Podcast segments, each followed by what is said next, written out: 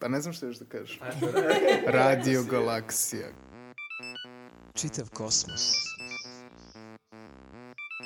Slušajte vesti iz svemira i njegove okoline. Neka svemir čuje nemir. Ajmo sfera. Da mi znamo kako se rađaju zvezde.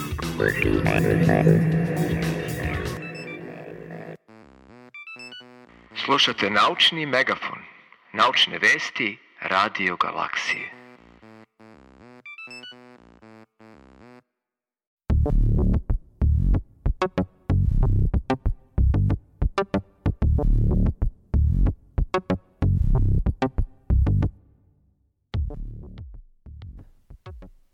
Dan i dobrodošli u jubilarnu četvrtu epizodu Naučnog megafona. A zašto je Dušane četvrta jubilarna epizoda? E pa nemam pojma, stalno pričamo o nekim jubilejima, to je valjda popularno danas, pa što da četiri ne bude jubilarni broj, šta ima veze? Pa naravno. Šta? Evo, ove godine je 60 godina od sletanja na mesec, samim tim i 60 godina od nasinog kontrolnog centra Goddard, e, 66 godina od otkrića strukture DNK, evo uskoro će tačno 100 godina od Eddingtonove ekspedicije posmatranja pomračenja sunca, kad smo inače došli do prve posmatračke evidencije za Einsteinovu opštu teoriju relativnosti 29. maja.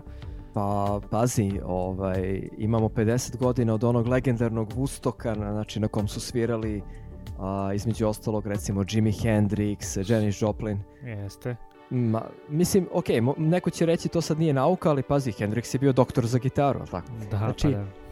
Dule, svakog dana je neki jubilej. Kao civilizacije postojimo više hiljada godina, tako da sigurno svakog dana će biti nečega. Naravno, ali jubileji su lepa prilika da pričamo o stvarima. Jesu, zato mi to i radimo. O, ok, ne časimo časa, već e, hajde da krenemo u novu epizodu naučnog megafona. Ajmo.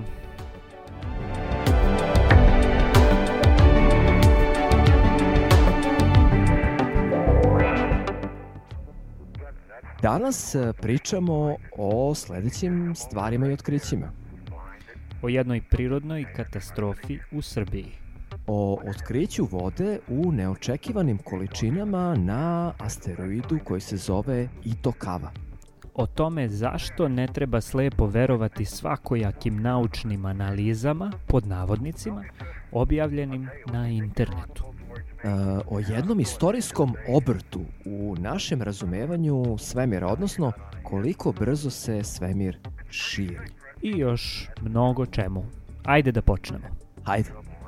Understand that. Is there any other debris you can grab out there that's not as thing he's working on. That's the trouble. The damn jaws aren't far enough. Try closing it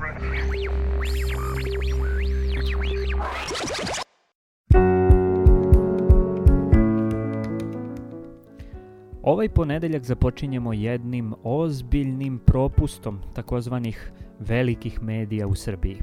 Ali naučni megafon je tu da to ispravi. Tako je. E, ne mogu da kažem da sam iznenađen što mainstream e, mediji u Srbiji nisu preneli ovu vest, ali nekako sam e, i dalje razočaran što izostaju reakcije onih koji o ovakvim problemima znaju. I to, ali ne samo što naši mediji nisu preneli ovu vest, već i to što ova vest ukazuje na problem mnogo većih razmera, o kom postoji čak i jedna epizoda kultne TV serije Black Mirror.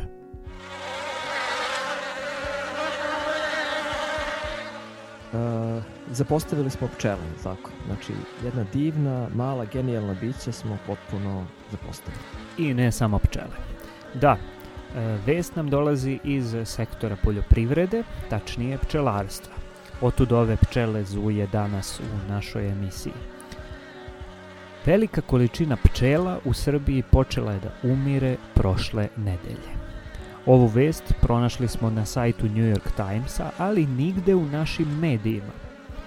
Rodoljub Živadinović, pčelar i predsednik Saveza pčelarskih organizacija Srbije, koji je dao izjavu za New York Times i ranije je upozoravao na ovaj problem, ali izgleda da ta upozorenja nisu shvatana dovoljno ozbiljno.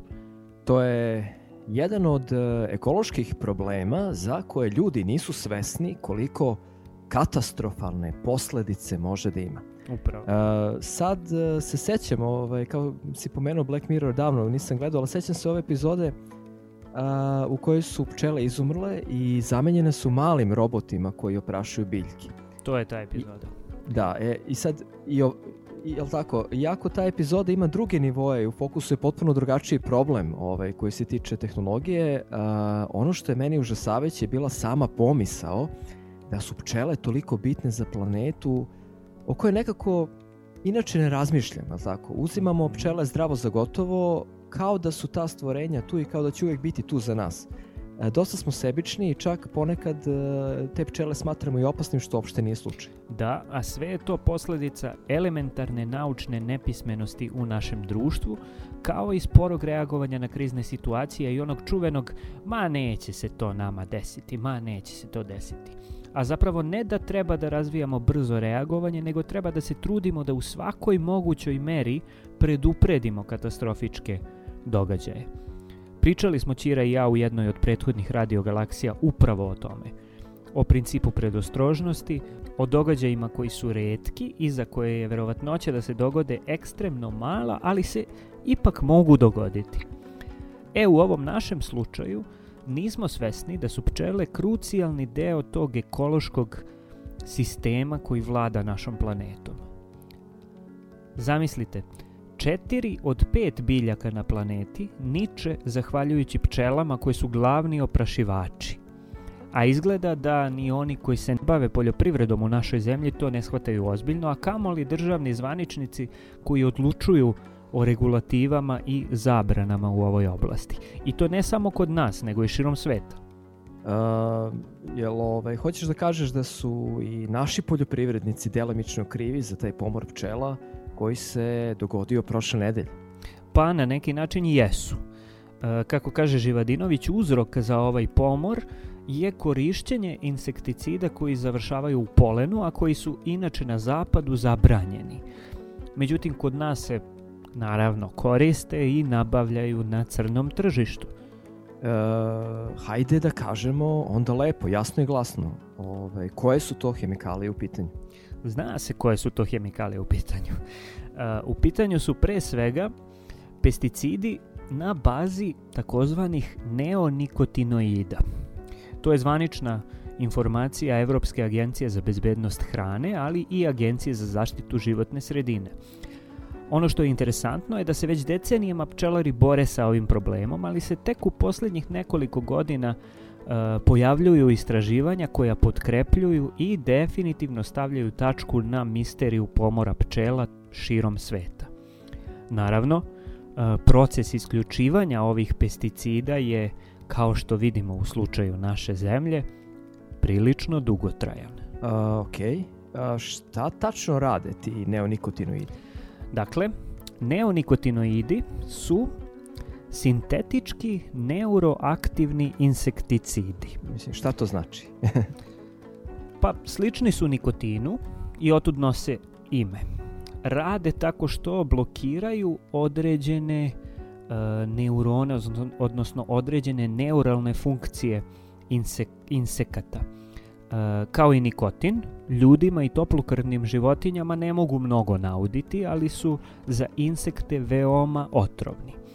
I ono što je posebno bitno za ovaj slučaj je to što se hemijski ostaci prskanja neonikotinoidima akumuliraju i u polenu biljaka koji se njima tretiraju. Odnosno, vi naprskate biljku dok ona još uvek nije u cvetu, a onda se tokom vremena e, ostaci koji nastanu razrađivanjem tih neonikotinoida nađu i u polenu.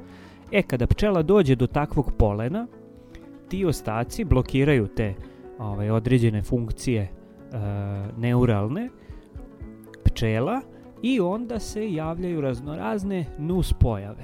Od blokiranja reproduktivnih funkcija do sposobnosti za navigaciju, let, pa ultimativno i do smrti. Dakle, a, ukratko da kažemo, dakle, pčela kad nema, nema ni oprašivanja, a to je posljedično i smrt biljaka, dakle jedna velika ekološka a, katastrofa. Upravo tako, znači vrlo jednostavna stvar. A ono što je absurd je da mi pokušavajući da zaštitimo biljke od štetnih insekata uzrokujemo još veću katastrofu planetarnih razmera. Znači, opasnost je ogromna, e, to je pod jedan, pod dva mediji to nisu izvestili, dakle malo ljudi o tome zna, evo sad preko naučnog megafona mi o tome izveštavamo i nadajmo se da će ovaj, putem ove naše male emisije ova vest dopreti i do sve većeg broja ljudi, pa da napravimo i neku reakciju. Tome i služimo, narodu i prirodi.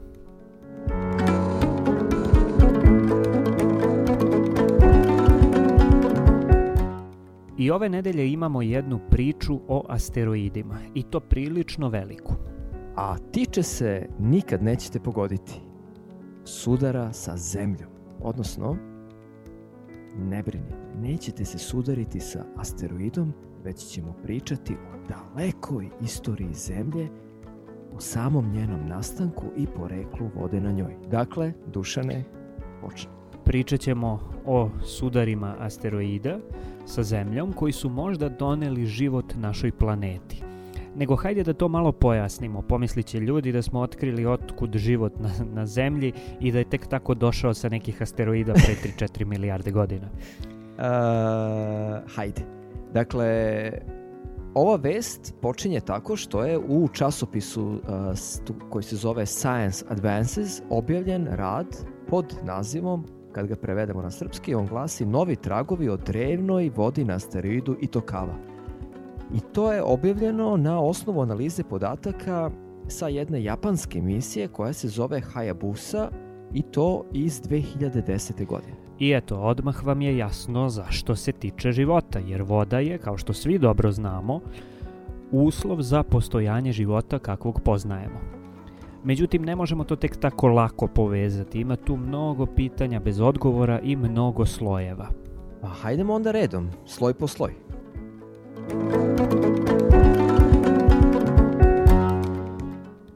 Asteroidi su mala tela u sunčevom sistemu koja se nalaze svuda okolo, a najviše ih je grupisano u takozvanom asteroidnom pojasu koji se nalazi između Marsa i Jupitera. Ima ih raznih vrsta, a možemo ih podeliti u nekoliko takozvanih tipova.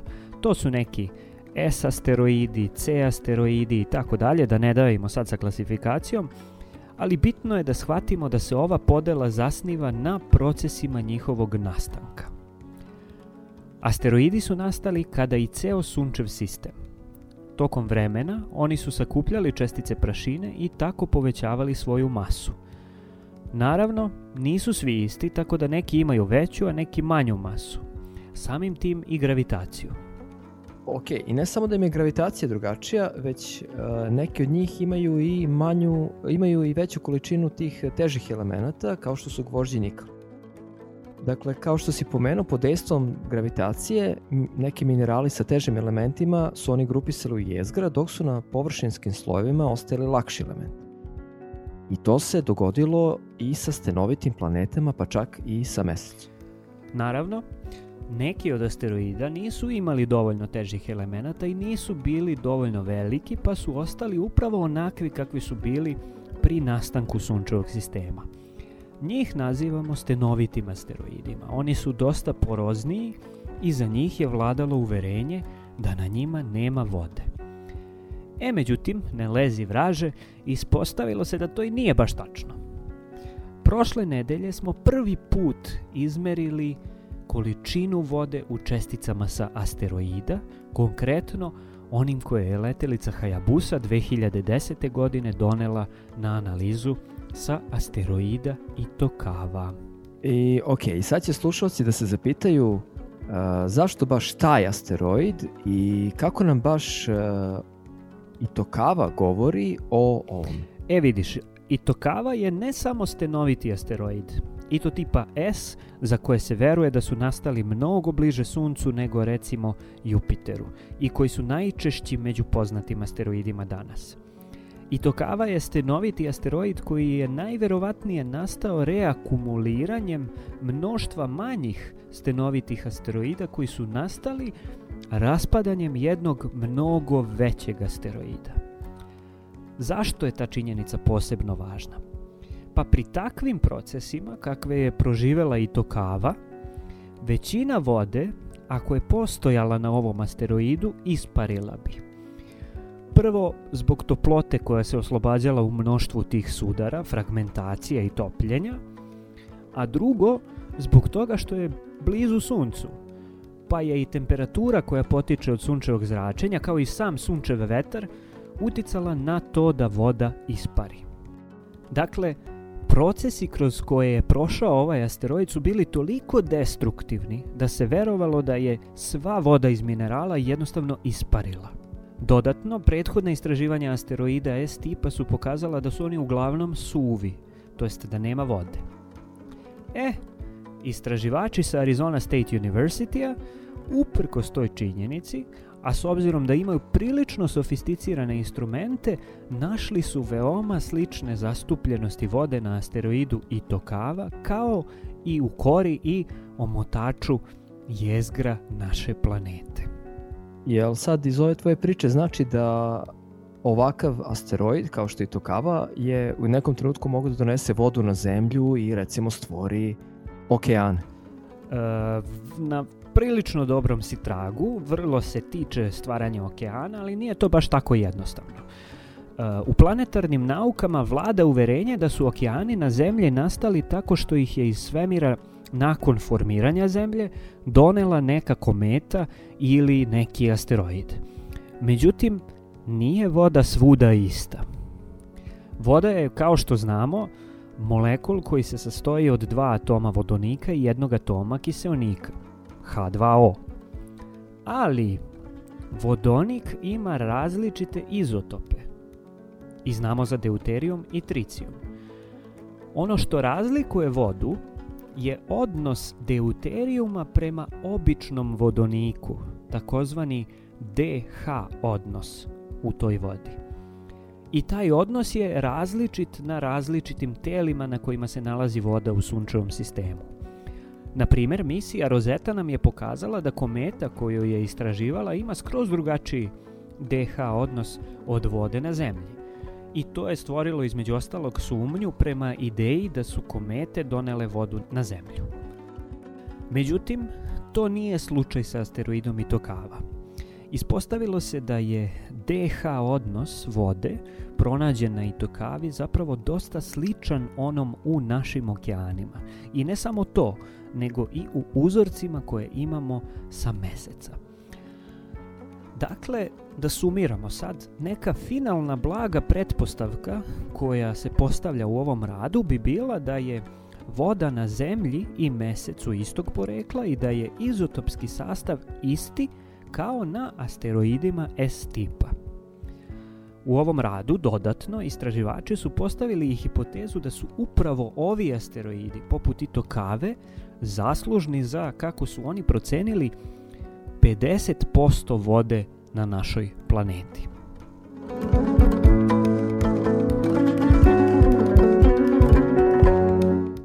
Nego nešto razmišljam. Da li ti znaš koliko uopšte vode ima na našoj planeti Zemlji? Iskreno, nemam pojma, ali to se bar da relativno lako proceniti. Ajde, možemo da probamo grubo makar da procenimo. Hoćeš da procenimo ovako, uživo u emisiji? Ajde. Ajde.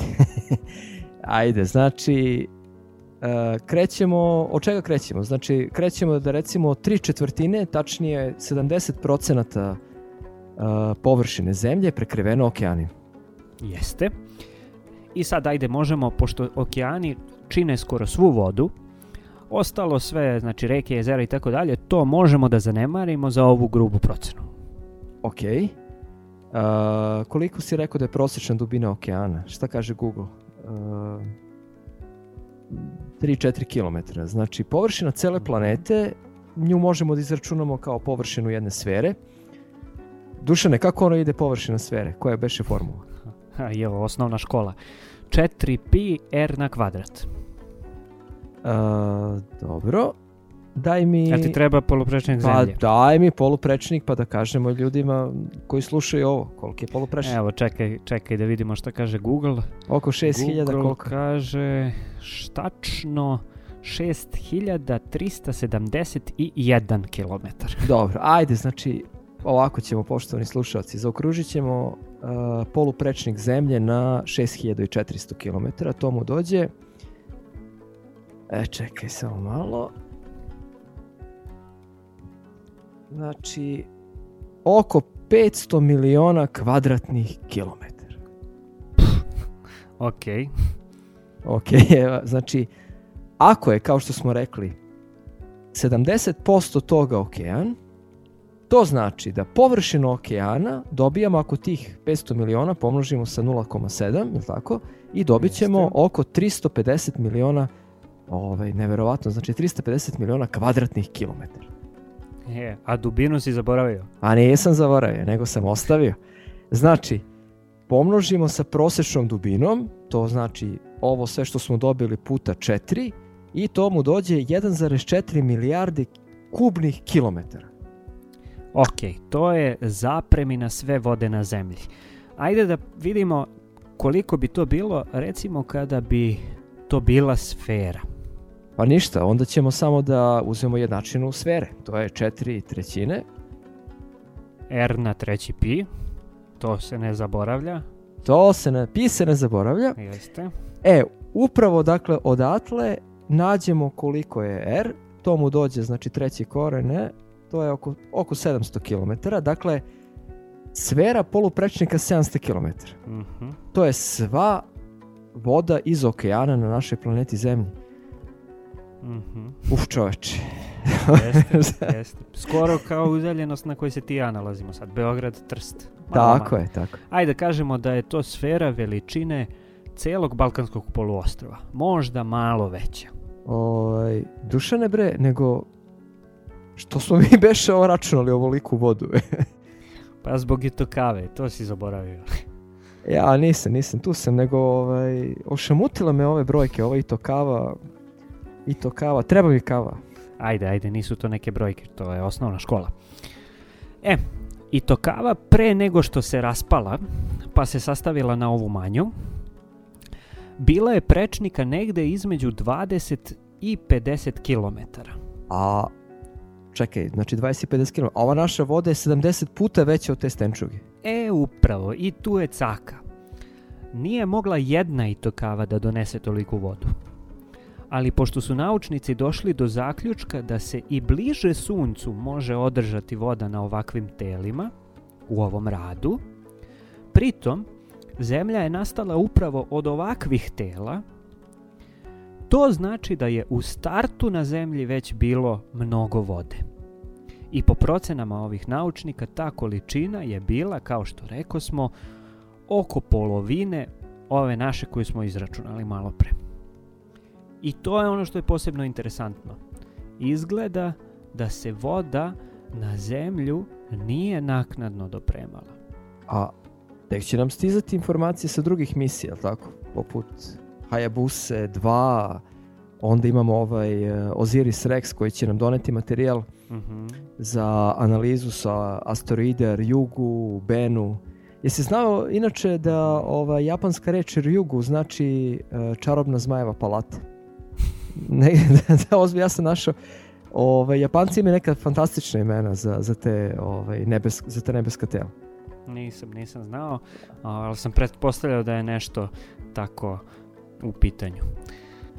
U svakom slučaju, e, divno što ćemo imati kompletnu sliku i o drugim tipovima asteroida.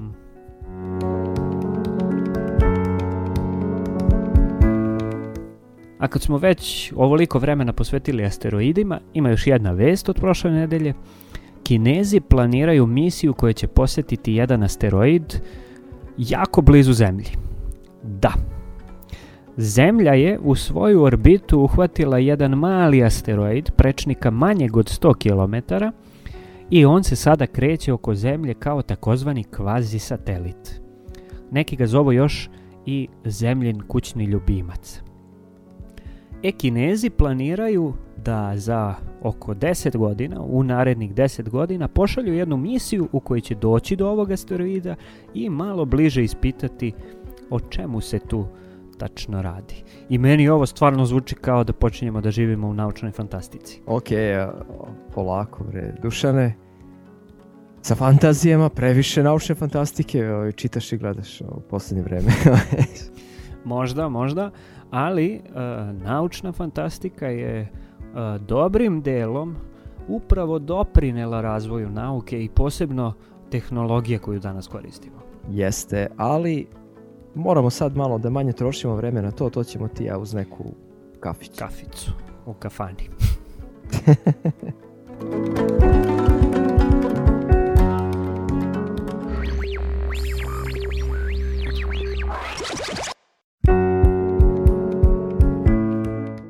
Svet u kome živimo donosi ljudima na dlanu nenormalno mnogo podataka i primjera kako skoro svako te podatke upotrebljava u različitim analizama. Analiza da li neka zemlja napreduje ili ne, e, analiza da li su studenti pametniji danas ili pre, analiza da li je bolje, ne znam, šminkati se levom ili desnom rukom, analiza za bukvalno sve što vam padne na pamet. Međutim, kao što ćete vidjeti iz ove naše kratke ovaj, priče, analize podataka na koje možete da nađete na internetu su često potpuno besmislene i pogrešne. Prethodnih dana smo videli neke naučne studije koje su inače tačne podatke povezali na potpuno sulud način. Dakle, dešava se da mnogi ljudi, čak i oni koji rade na fakultetima i institutima, uzmu podatke i iz njih zaključe nešto što suštinski nije ni u kakvoj vezi, ne može se zaključiti. Mislimo da je važno da javnost shvati taj problem što pre. I jedan od najskorijih primjera je prošlo nedeljna analiza koja pokazuje da je porast dokumentarnih emisija o depresiji i usamljenosti mladih u Americi u direktnoj vezi sa rastom samoubistava mlađih osoba. Autori studije su otprilike rekli ovako. Tokom određenih meseci broj dokumentarnih TV emisija o depresiji je učestaniji i baš u tom periodu je učestaniji i porast samoubistva. Da, ali naravno, mnogi ljudi uopšte ne, ne shvataju da je veza, odnosno korelacija između podataka jedno, a nalaženje uzročno-posledičnih veza je nešto potpuno ovaj, drugo. Upravo, korelacija ne znači uzročnost. Tako je, znači ja sam upravo pronašao podatak da istih tih meseci o kojima oni govore, recimo to su jul, avgust i septembar u, u Sjednjim američkim državama, na primer, raste i količina prodatih sladoleda. I sad, jel, jel, mislim, jel mi sad treba da, zna, da, da zaključimo da ako jedemo više sladoleda, da će neki ljudi da postanu skloni samoubistvu? Pa naravno da ne. Ali, ovaj, ali vidite, ako smo dovoljno maštoviti, čak i tako nekakva glupost može da se zaključi. jeste, jeste. Mislim, smešno je, ali je u isto vreme prilično ozbiljno. Pa jeste, skroz je ozbiljno, da. E, pazi sad. Sad će slušalci reći, evo ga opet Dušan sa vakcinama, ali e, sigurno je najpoznatiji primjer pogrešne interpretacije nekakve statistike, verovanje da ako vakcinišemo decu, da će ona postati autistična. Čak neki poznati antivakseri na, na internetu objavljuju potpuno sumanute analize u kojima e, govore da ako jedemo istovremeno organsku hranu i pijemo kafu, da ćemo tad biti autistični i tako dalje i tako dalje. to je, jesi ti, ovaj, jesi popio kafu jutros? Pa ni, nisam još. Pa dobro, ajde, nemoj da kvariš ljudima statistiku. Mislim. Ovaj, e, ali ajde šal na stranu. Uh, jesi li znao ti da pre nekog vremena, mislim, ja sam čak vidio i rad u kojem je zaključena ta, ta veza, uh, na, znači, navedeno je da postoji direktna veza između ovaj margarina i bračnih razvoda. Kao, znači, ali stvarno, pazi, kaže, ovaj, u Sjedinjim američkim državama je objavljena studija koja kaže da je primećeno da se stopa razvoda brakova povećava ako se povećava i prodaja margarina u prodavnicu. ne mogu da verujem. A, samo margarin ili puter? E, nemam pojma. Mislim, pu- puter, put, puter im je možda naredna meta. Znači, da. Pravda za puter. A inače, ono na šta uh, našim slušalcima treba da skrenemo pažnju jeste i da smo primetili da čak i neki portali koji pokušavaju da promovišu nauku veoma često prenesu ovakve studije bez dovoljnog udubljivanja. Pa i to je problem. Uh, ali ok, ajde sad ovako da se zadržimo na ovim nekim stvarima. Znači, pedagoškim. Jel? Dakle, ovo što smo naveli su klasični primjeri nerazumevanja velikog seta, inače tačnih podataka, koji često na internetu znaju da potpuno zbune ljude i navedu a, ljude koji čitaju te studije čak i na pogrešne zaključke i čak, što je još gore, i na pogrešne životne odluke. Mhm. Dakle, e, jedan savet slušaocima, ovaj, pogotovo mlađima, nemojte se lečiti na internetu, nemojte da tražite uzroke i posledice tamo da ih nema. Jer pronaći, kao što si rekao Dušane, korelaciju između podataka je jedno, a utvrditi kauzalnost, to jest uzročno posljedičnu vezu je nešto potpuno drugo. Mhm. Um, I ja volim da se šalim često, ali ovaj, malo sam i ozbiljan kada kažem da je, da je takva jedna stvar otprilike kao kada bismo rekli da, da mi ovaj, ljudi recimo koji žive u Beogradu trebalo bi da žive mnogo zdravije uh, od onih koji su recimo u Rotterdamu ili Stokholmu ili Cirihu. Z- zašto? Jer, jer ovaj, u Srbiji gradski prevoz više kasni, pa, pa ljudi u Srbiji u Beogradu recimo provedu duže na vazduhu čekajući ove autobuse. Mislim, što, Da, da, ba- baš na čistom vazduhu. Pa da, da, to je. ok, dakle, a, poštovani slušalci, mislim da ste shvatili našu poruku. Statistika je vrlo moćan alat, ali samo kada se primenjuje kako treba. I probajte da ne izvodite olake zaključke, da ne verujete tek tako a, statističkim podacima i zaključcima koji se pojavljuju u javnosti, da ne biste došli do ovakih pogrešnih zaključaka. A svi vi koji se bavite statistikom, vodite računa kako statistiku koristite.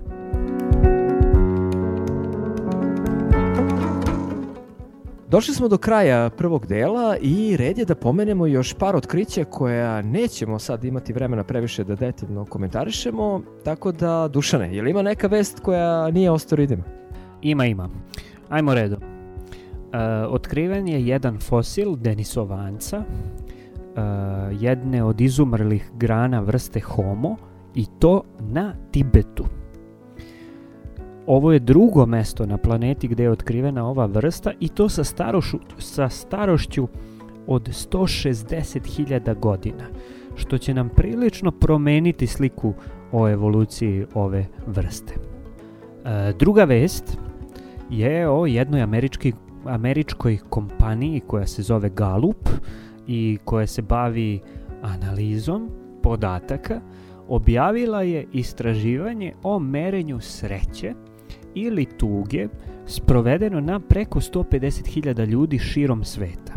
Ukoliko prihvatimo rezultate Galupa kao validne, izgleda da je svet tužniji i besniji više nego ikada. I to se posebno odnosi na stanovnike nekih afričkih zemalja, zatim Iraka, Irana, a izgleda da su ljudi najsrećniji u Skandinaviji i Južnoj i Centralnoj Americi, recimo Paragvaj, Honduras. I treće, jedna potencijalno divna vest koja je vezana za osobe sa autizmom. Naime, e, poznato je da osobe sa autizmom imaju probleme u ostvarivanju društvenih odnosa. E, teško mogu da prate drugu osobu tokom razgovora ili da je gledaju direktno u oči, e, takođe imaju problem da čitaju e, emocionalne poruke i reakcije na licima drugih ljudi i do danas naučnici nisu mogli da pronađu nikakav lek koji bi poboljšao ili rešio ovaj problem kod ljudi sa autizmom. Međutim, istraživači sa Stanforda kao i Univerziteta Virginia u e, Sjedinjenim američkim državama objavili su prošle nedelje da su testirali na koji način jedan hormon u mozgu, tačnije u hipofizi, utiče na autizam. Taj hormon se zove vazopresin i do sada uglavnom nije smatran previše važnim kada su ovakve studije autizma u pitanju. Međutim, izgleda da on ima mnogo važniju ulogu u regulaciji autizma nego što se mislilo. E, naučnici sa Stanforda su prvobitno posmatrali majmune koji su bili asocijalni u svojim grupama i shvatili da većina majmuna koje se tako ponaša ima manjak vazopresina. Onda su sličnu studiju ponovili i na autističnoj deci uzrasta do 12 godina. Deca su dobijala e, nekakav sprej za nos koji je sadržao vazopresin.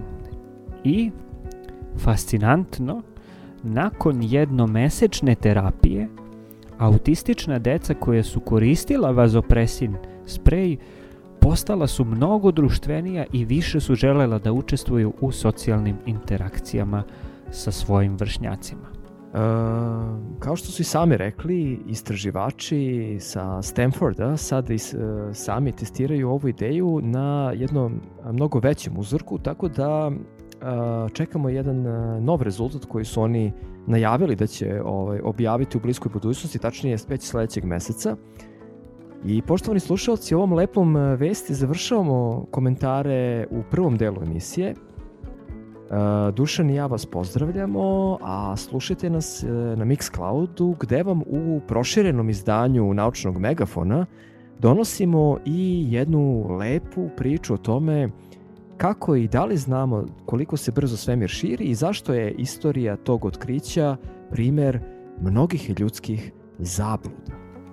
A takođe tu je i naša stalna rubrika Školice u kojoj kao i u školicama povezujemo neke skrivene kutke života i nauke.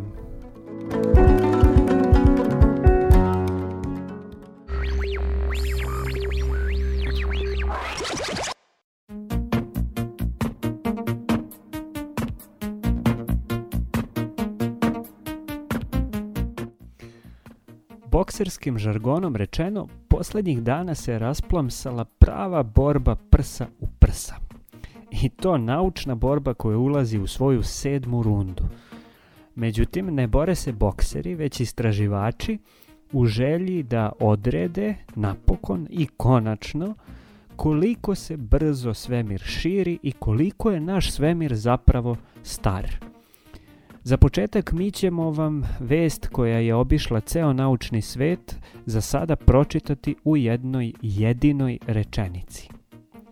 Ona glasi Najpreciznijom metodom do sada astronomi predvođeni Nobelovcem Adamom Risom utvrdili su da se svemir širi brže nego što su prethodna merenja pokazala. I sad dolazimo do momenta kad kažemo, ok, zašto jedna ovakva vest treba da nas interesuje? Zašto ovo otkriće treba da se tiče ne samo astronoma i fizičara, već i psihologa i biologa i svih ljudi na planeti? Šta ovo otkriće govori o nama samima i o položaju čoveka u tom istom kosmosu? Šta nam govori o našoj percepciji prostora i vremena? Zato, hajde da krenemo na jedno malo radijsko putovanje. Na tom putovanju ispričat ćemo vam šta znači kada kažemo da se svemir širi. Zatim reći ćemo šta je to Hubbleova konstanta, zašto je ona toliko važna, da li je ona uopšte konstanta ili nije i kako su naučnici do nje došli. U narednih desetak minuta nađite neko tiho mesto i putujte sa nama kroz prostor vreme i kroz česte greške i zablude koje sami imamo. Cilj nam je da razumemo kako se čovek odnosi prema otkrićima koja čini, ali isto tako kako ta otkrića menjaju naš zamišljeni i pomalo e, privilegovani položaj u prirodi. Kada sa današnje tačke gledišta pogledamo istoriju, deluje kao da je čovek prešao veoma dug put u poimanju kosmosa, a samim tim i sobstvenog položaja u tom istom kosmosu.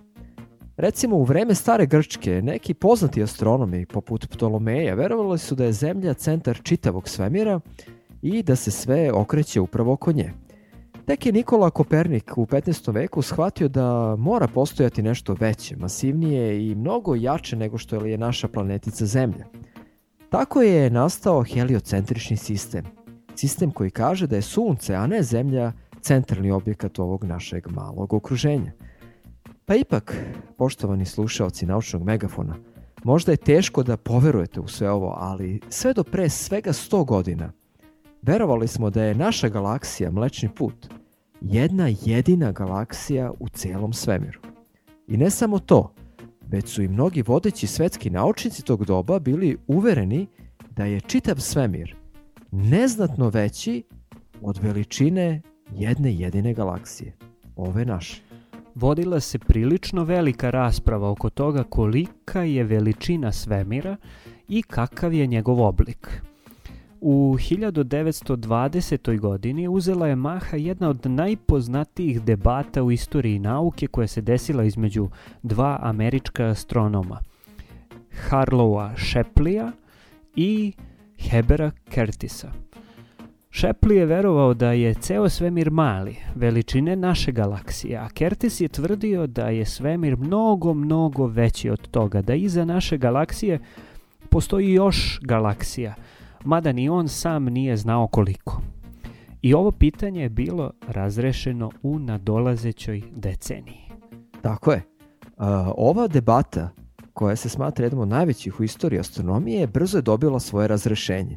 Naime, ono što je sprečavalo odgovor na pitanje ko je od njih dvojica u pravu jeste što niko nije tada znao kako da odredi udaljenost do objekata koji se nalaze izvan naše galaksije. Prvi je to uspeo da uradi astronom po imenu Vesto Slipher, koji je bio prvi koji je primetio da u svemiru kada se prebroji postoji mnogo više objekata koji se udaljavaju od nas nego onih objekata koji nam se, po znacima navoda, približavaju. E, iste godine kad je Slipher prebrojavao tačkice na svojim prvim astronomskim fotografijama, skoro svi naučnici tog doba, uključujući samog Alberta Einsteina, verovali su da je svemir statičan i večan, baš, baš kakvim ga danas zamišljaju i mnogi ljudi. Ali, ali, ali, posmatranja blještavih e, trepćućih zvezda koje menjaju svoj sjaj, donela su jedan neverovatan obrt. Te promenljive zvezde, takozvane cefeide, imaju jedno naročito svojstvo. One su jako blještave, jako sjajne i to su žute zvezde džinovi koje pulsiraju i mogu da se vide i na ogromnim udaljenostima. E, što je period tih svetlosnih pulsacija cefeide veći, to ona jače svetli. I upravo to je iskoristio Edwin Hubble u prelomnom otkriću pre gotovo 100 godina.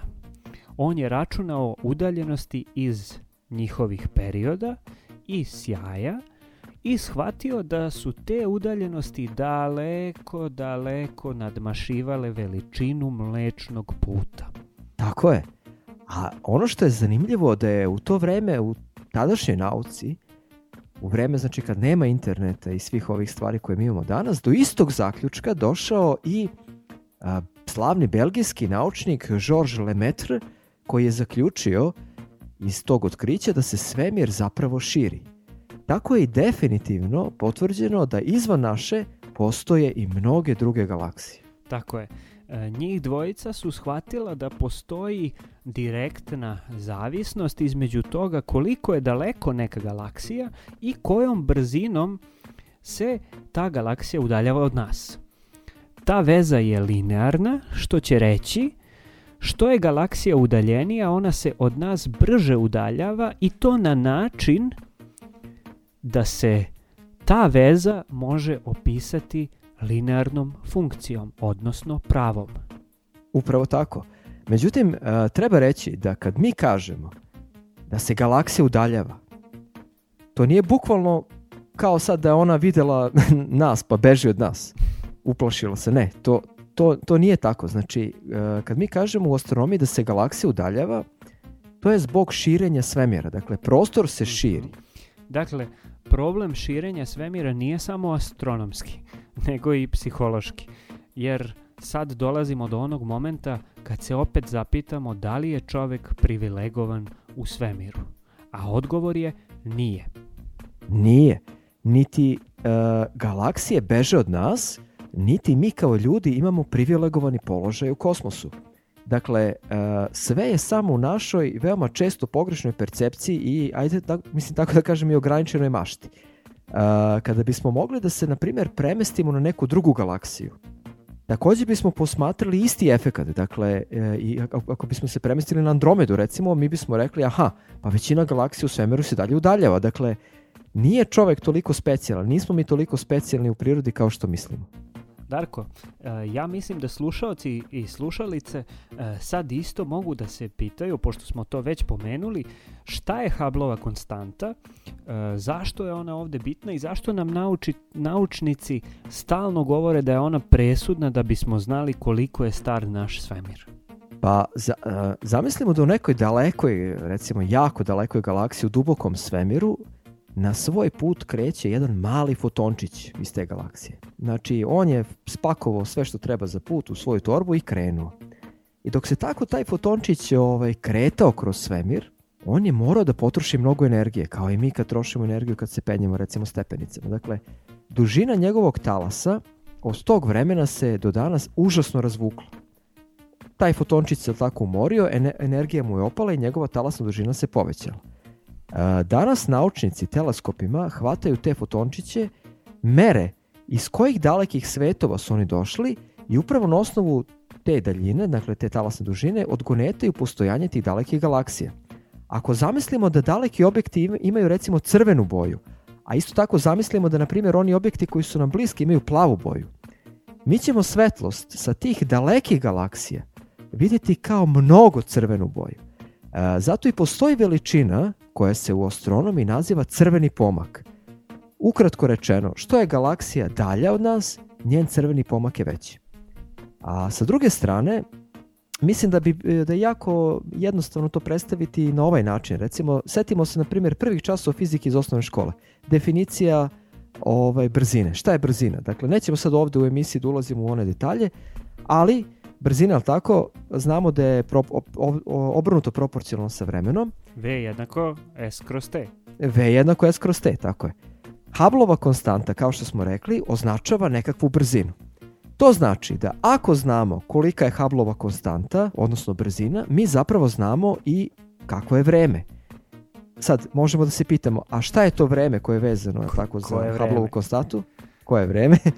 to je dakle vreme koje merimo proteklo od trenutka kada se desio veliki prasak. I naučnici su do pre nekoliko godina izmerili da je vrednost te Hubbleove konstante 68, a danas 74. I mnogi mediji često podcenjuju svoju publiku i ne saopštavaju punu informaciju. 68 ili 74, neko bi se zapitao, čega? Tako je. E, to je 74 km po sekundi po megaparseku. I sad nemojte da se uplašite, evo šta to znači. To znači da ako posmatrate galaksiju koja je udaljena 1 megaparsek, a to je oko 3 miliona svetlosnih godina, nebitno je kakva je tu veza, vidjet ćete da se ona udaljava od vas brzinom od 74 km u sekundi. Ako gledate malo dalju galaksiju, koja je udaljena 2 megaparseka, onda ćete izmeriti da se ona udaljava brzinom od 148 km u sekundi, dakle duplo brže. I tako dalje, i tako dalje. Sve dok ne dođete do najdaljih galaksija koje su toliko daleko od nas, da možete da izračunate da se one udaljavaju brzinom većom od brzine svetlosti. E, ali sada će se zapitati mnogi.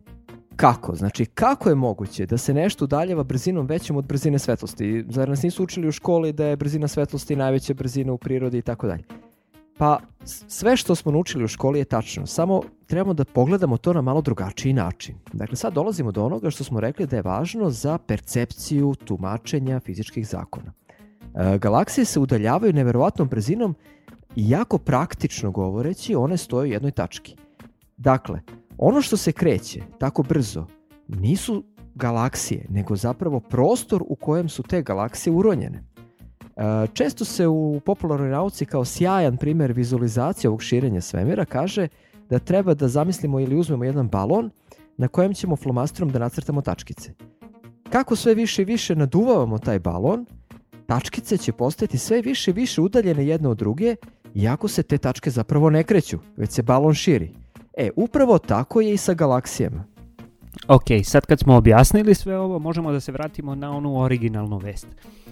Dakle, u posljednjih 20 godina astronomi pokušavaju da izmere koliko brzo se svemir širi. U tu svrhu počeli su da razvijaju razne neke me- nove metode. E, udaljenost supernovih, zatim snimanje mikrotalasnog zračenja čitavog neba i tako dalje i tako dalje. E, Nobelovac Adam Ries i njegove kolege su nedavno usavršile metod sa cefeidama i posmatrali su veliki uzrok cefeida u galaksiji koja e, orbitira oko naše i koja se zove Veliki Magellanov oblak. I oni su odredili da je Hubbleova konstanta 74. E sad, zašto nauku ovaj rezultat brine? E, pa brine ovaj, zato što su merenja konstante ovim cefidama a, vezana za brzinu širenja nečega što nam je jako blizu. Dakle, veliki Magena- Mega- Magellanov oblak je satelit galaksije naša, dakle to je galaksija bukvalno koja je jedna od najbližih a, našem mlečnom putu. Tako da ovo što su naučnici odredili, ta, taj broj, to je brzine širenja svemira kakvu mi merimo danas ono sa čim se ovaj broj ne slaže, znači ono sa čim se ovo me- merenje e, ne slaže, je brzina širenja svemira u vremenu kad je on bio mnogo, mnogo mlad. E, Evropska svemirska agencija je pre deseta godina poslala u svemir jedan teleskop koji se zove Planck i oni su pomoću tog teleskopa izmerili koliko bi trebalo da bude širenje u tom veoma mladom svemiru. E, i to je taj broj 68 koji si ti pomenuo ovde u emisiji. Dakle, taj broj smo izmerili kada smo gledali svemir kad je bio mlad, a sad kad, kad gledamo današnji, da kažemo, svemir, izmerili smo jedan potpuno drugi broj.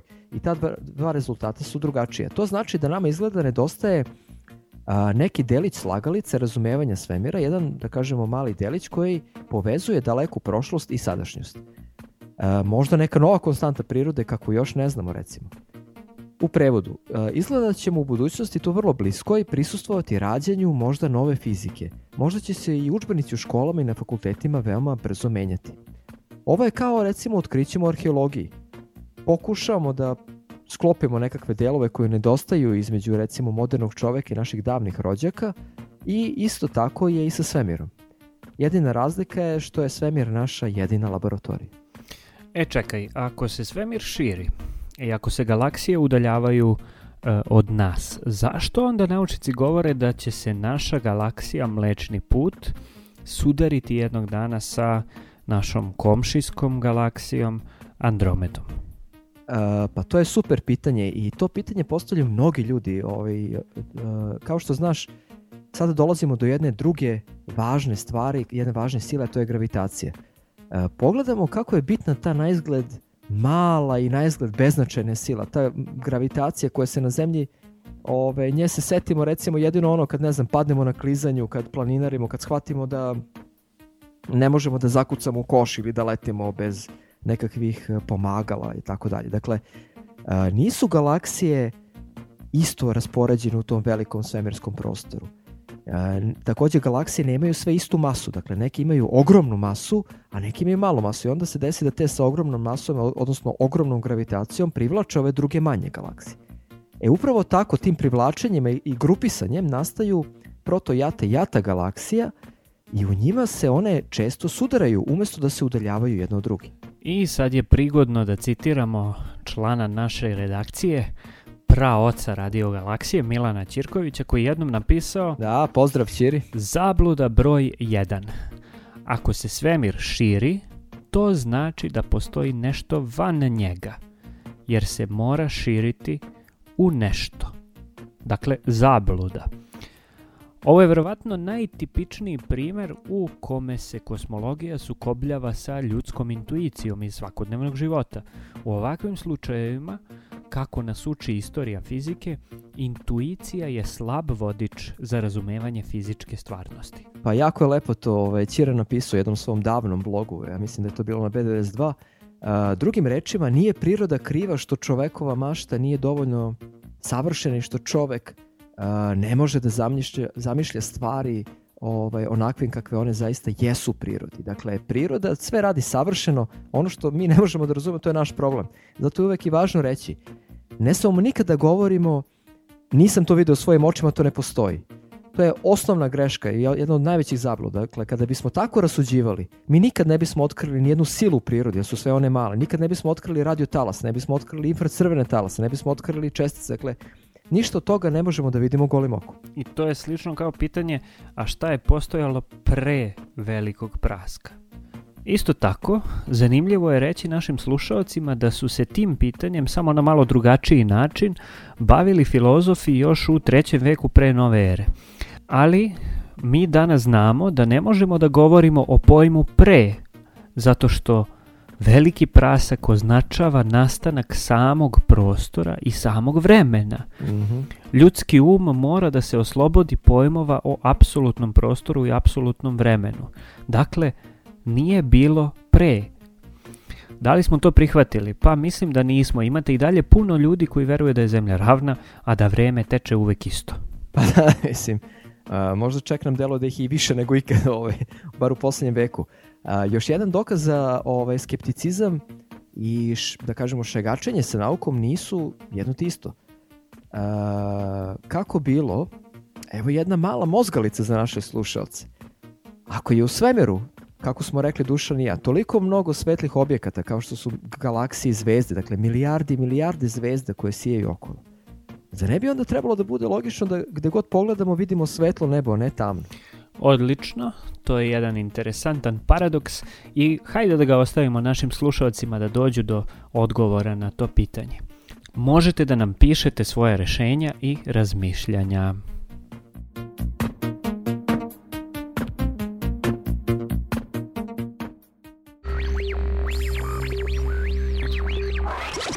Da li se nekad igrate školica? Školice.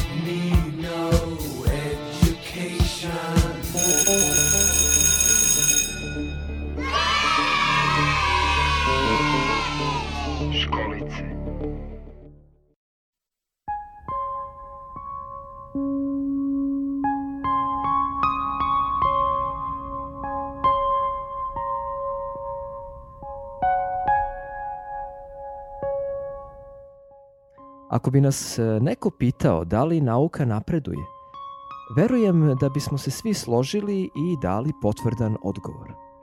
Ali kako napreduje, to je već druga stvar. E, Modern čovek, a zajedno sa njim i mediji, imaju naivnu i često pogrešnu predstavu o tome šta je napredak nauke. Nauka se često zamišlja kao nekakvo pravolinijsko nagomilavanje saznanja, gde kako vreme prolazi, mi sve bolje i bolje razumemo ama baš svaki fenomen. Tako se krećemo nezaustavljivo u pravcu nekakvog idealnog shvatanja prirode i društva. Ali to ni približno ne oslikava realno stanje stvari. Naime, nauka je uvek prolazila kroz e, velike uspone i padove. Zbog toga svaki primer iz nauke koji je dokumentovan podacima mora dobro da se sagleda iz istorijskog konteksta.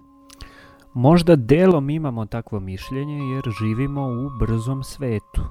E, društvene mreže i brzina razmene informacija čine da je sve ubrzano, da je sve e, nekad i previše dinamično. Ali svet u kome živimo je ograničen konstantama. Tako je. U prvoj epizodi naučnog megafona rekli smo da sve evoluira.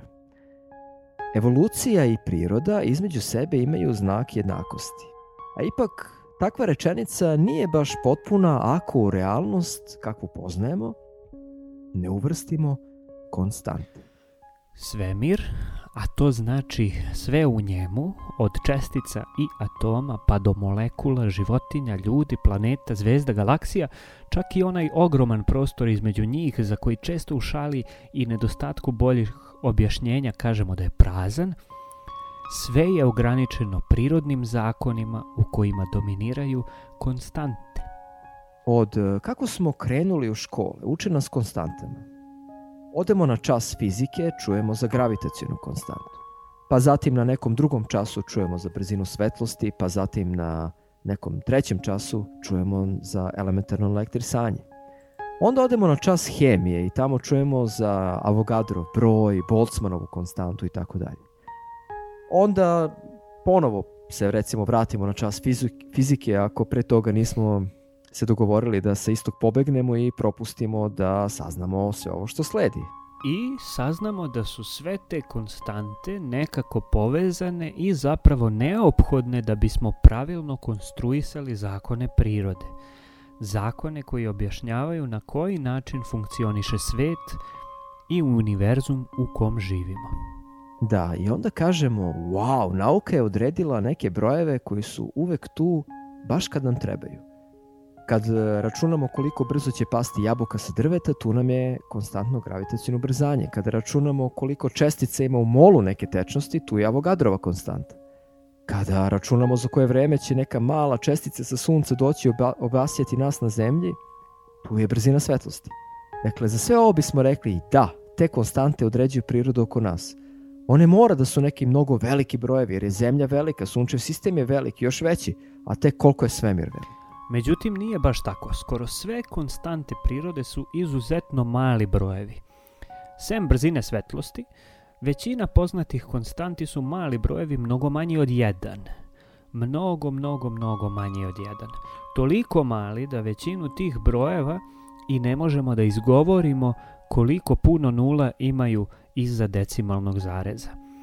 Često imaju baš puno tih nula. Setite se recimo koliko je malo elementarno naelektrisanje elektrona. Mi ne možemo danas da zamislimo izračunavanje kretanja bilo koja dva tela u svemiru bez tih malih konstanti. Jedan tako mali broj da vrši kontrolu svega i svačega po svemiru. Zato, do naredne epizode Naučnog megafona, razmišljajte o konstantama.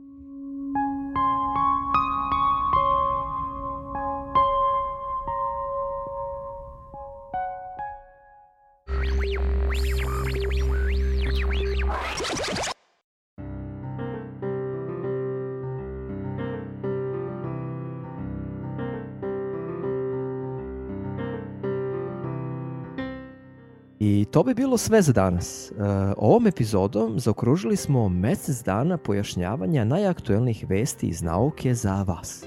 Baš brzo prolazi vreme. E, da čoveče, kao što reče, e, ovo je bila jubilarna četvrta epizoda. Biće ovo je uskoro jubilarna peta, pa jubilarna 42. i tako dalje. E, jubilarna 42. da. E, Mi smo tu, a nadamo se da vam ulepšavamo ponedeljke i da vas inspirišemo da više čitate i istražujete o svetu nauke i svetu otkrića, kao i da ste mnoge stvari naučili iz ovih naših kolaža i ćaskanja. I pišite nam. Jeste da je prošlo 30 dana, ali to je tek mesec dana. Mnogo toga treba popraviti, e, mnogo toga Dušan i ja i zaboravimo, mnogo toga ne uradimo kako treba, za neke stvari nemamo ni vremena, voli bismo da nam ukazujete na sve te propuste. E, takođe, e, volili bismo i da nam predlažete i neke teme, ono što vas sve zanima i delite sa nama svoje ideje.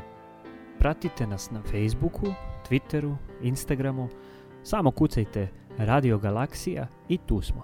Širite i delite naše emisije sa prijateljima ako vam se sviđaju, a mi ćemo se truditi da budemo sve bolji i bolji. Do sljedećeg ponedeljka, Do sledećeg slušanja. 3, 2, 1. Pozdrav! Pozdrav.